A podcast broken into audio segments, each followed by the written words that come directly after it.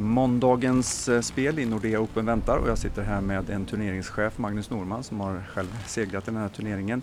Ja du Magnus, eh, ett startfält där vi kan konstatera att topp 8, det vill säga de åtta sidade, är alla rankade 35 eller bättre. Ja, det är otroligt. Eh, vi har haft tur i år med, med schemaläggningen lite grann. Vi, vi ligger, Båstad ligger som enda turnering i Europa under den här veckan. Normalt sett så krigar man mot någon annan kanske, men alla spelare ja, som vill spela spelar i Båstad. Eh, och eh, det känns som många spelare också har inte spelat så mycket på två år på grund av Corona. Vill spela mycket, vill tjäna pengar, vill få upp sin ranking. Plus att såklart Christer och hela teamet och inklusive jag själv har jobbat hårt på vissa namn att vi vill få hit. Så, så ja, men jätte, jättestolt och jätteglad över att det är så många duktiga namn här. Mm. Spelar det någon roll för er att Wimbledon inte delar ut några poäng? Ja men det tror jag kanske också. Eh, det är många som vill få upp sin ranking och ja, spela mycket tennis. Så att, eh, det tror jag definitivt. Corona, eh, att, att de inte har spelat så mycket på två år och sen att, ja, men att Wimbledon, att det inte fanns någon poäng där. Såklart, alla vill få upp sin ranking och ja, tjäna mycket pengar så definitivt.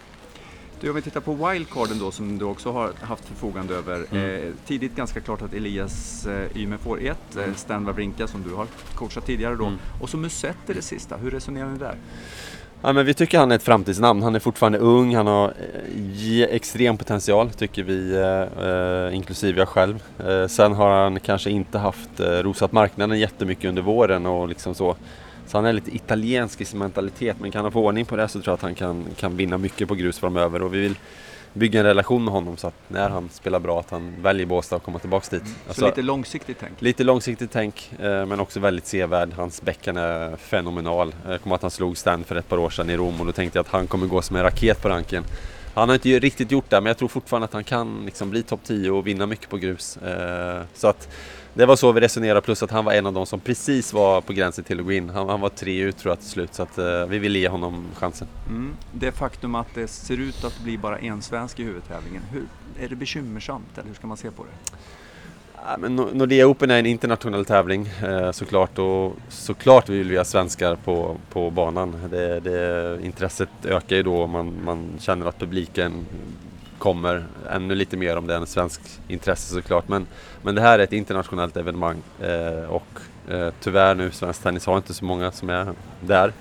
Men jag vet att det jobbar stenhårt på det i klubbarna och på akademier och liksom, vi vill få fram duktiga svenska spelare. Och det, det är lite på gång underifrån både på killsidan och tjejsidan tycker jag. Eh, så att eh, lite tålamod, vi är inne i en svacka men det kommer tillbaks. Om vi säger något om Elias Ymer då, eh, Altmaier, vad kan du ge lyssnarna för information om honom, motståndaren där?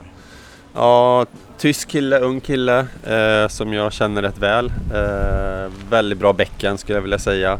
Eh, enasbäcken, väldigt fin enasbäcken. Lång, servar bra, eh, lite svaghet på fåren, lite svaghet på rörelsemönstret, kanske på grus. Hans bästa underlag är inte grus. Eh, och han kom hit idag, så han kom hit rätt sent också vet jag.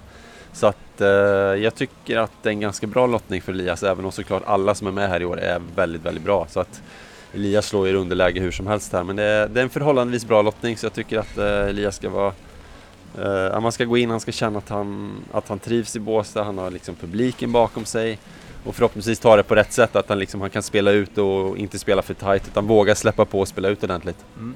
Kort bara, eh, Stan Wawrinka, många nyfikna på en eh, Grand Slam-segrare som du har coachat. Eh, var står han idag?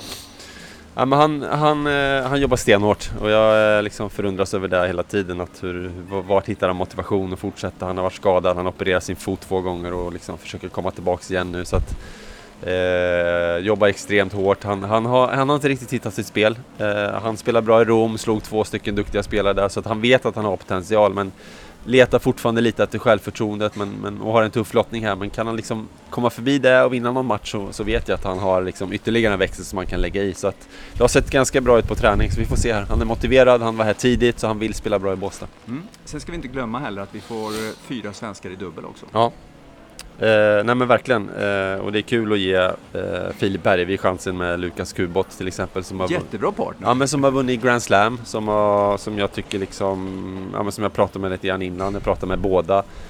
Eh, och jag vet att Lukas liksom är en kille som ver verkligen ger med, delar med sig av erfarenhet och jag hoppas att Filip kan liksom ta åt sig allt, allt mm. som går där. Eh, och sen eh, André Göransson och, och eh, Elias Ymer Mm. eh, såklart och Leo Borg. Ja. Så att, eh, det ska bli intressant att se alla de, de fyra i action. André har ju dubbel som sin spe specialitet och Elias och Leo kanske inte lika mycket men kul att få ge dem chansen igen då eh, i en, i en ATP-turnering. Mm. Vi ska inte be dig tippa kanske för det är omöjligt nästan i det här läget när- när veckan precis börjar. Men vad, vad hoppas du på? Annars rent generellt över veckan? Ja, jag hoppas ju såklart på Elias att han vågar spela ut och göra en bra match mot Altmaier först och främst och så att han kan på något sätt krångla sig förbi det. Eh, det vore kul för tävlingen och sen att Ja men för egen del och Stan att han mot Carena Busta att han på något sätt kan komma förbi det och spela bra tennis, det vill jag jättegärna. Eh, och sen att Dominic Thiem som också vunnit Grand Slam innan, att han liksom tar sig förbi eh, vinner några matcher så att han kanske går fram till kvartsfinal. Det vore kul att ha, ha dem framme liksom på något sätt. Diego Schwartzman, Rublev, alltså det finns så jäkla många bra namn. Careno Busta, Bautista Gutt. Få fram alla dem i en kvartsfinal på fredag vore fantastiskt. Ja, och Rune och, Och, Rud. och Holger Rune och Rud ja, precis. Där har du topp 8. Om alla de är i kvartsfinal på fredag då är jag jättenöjd.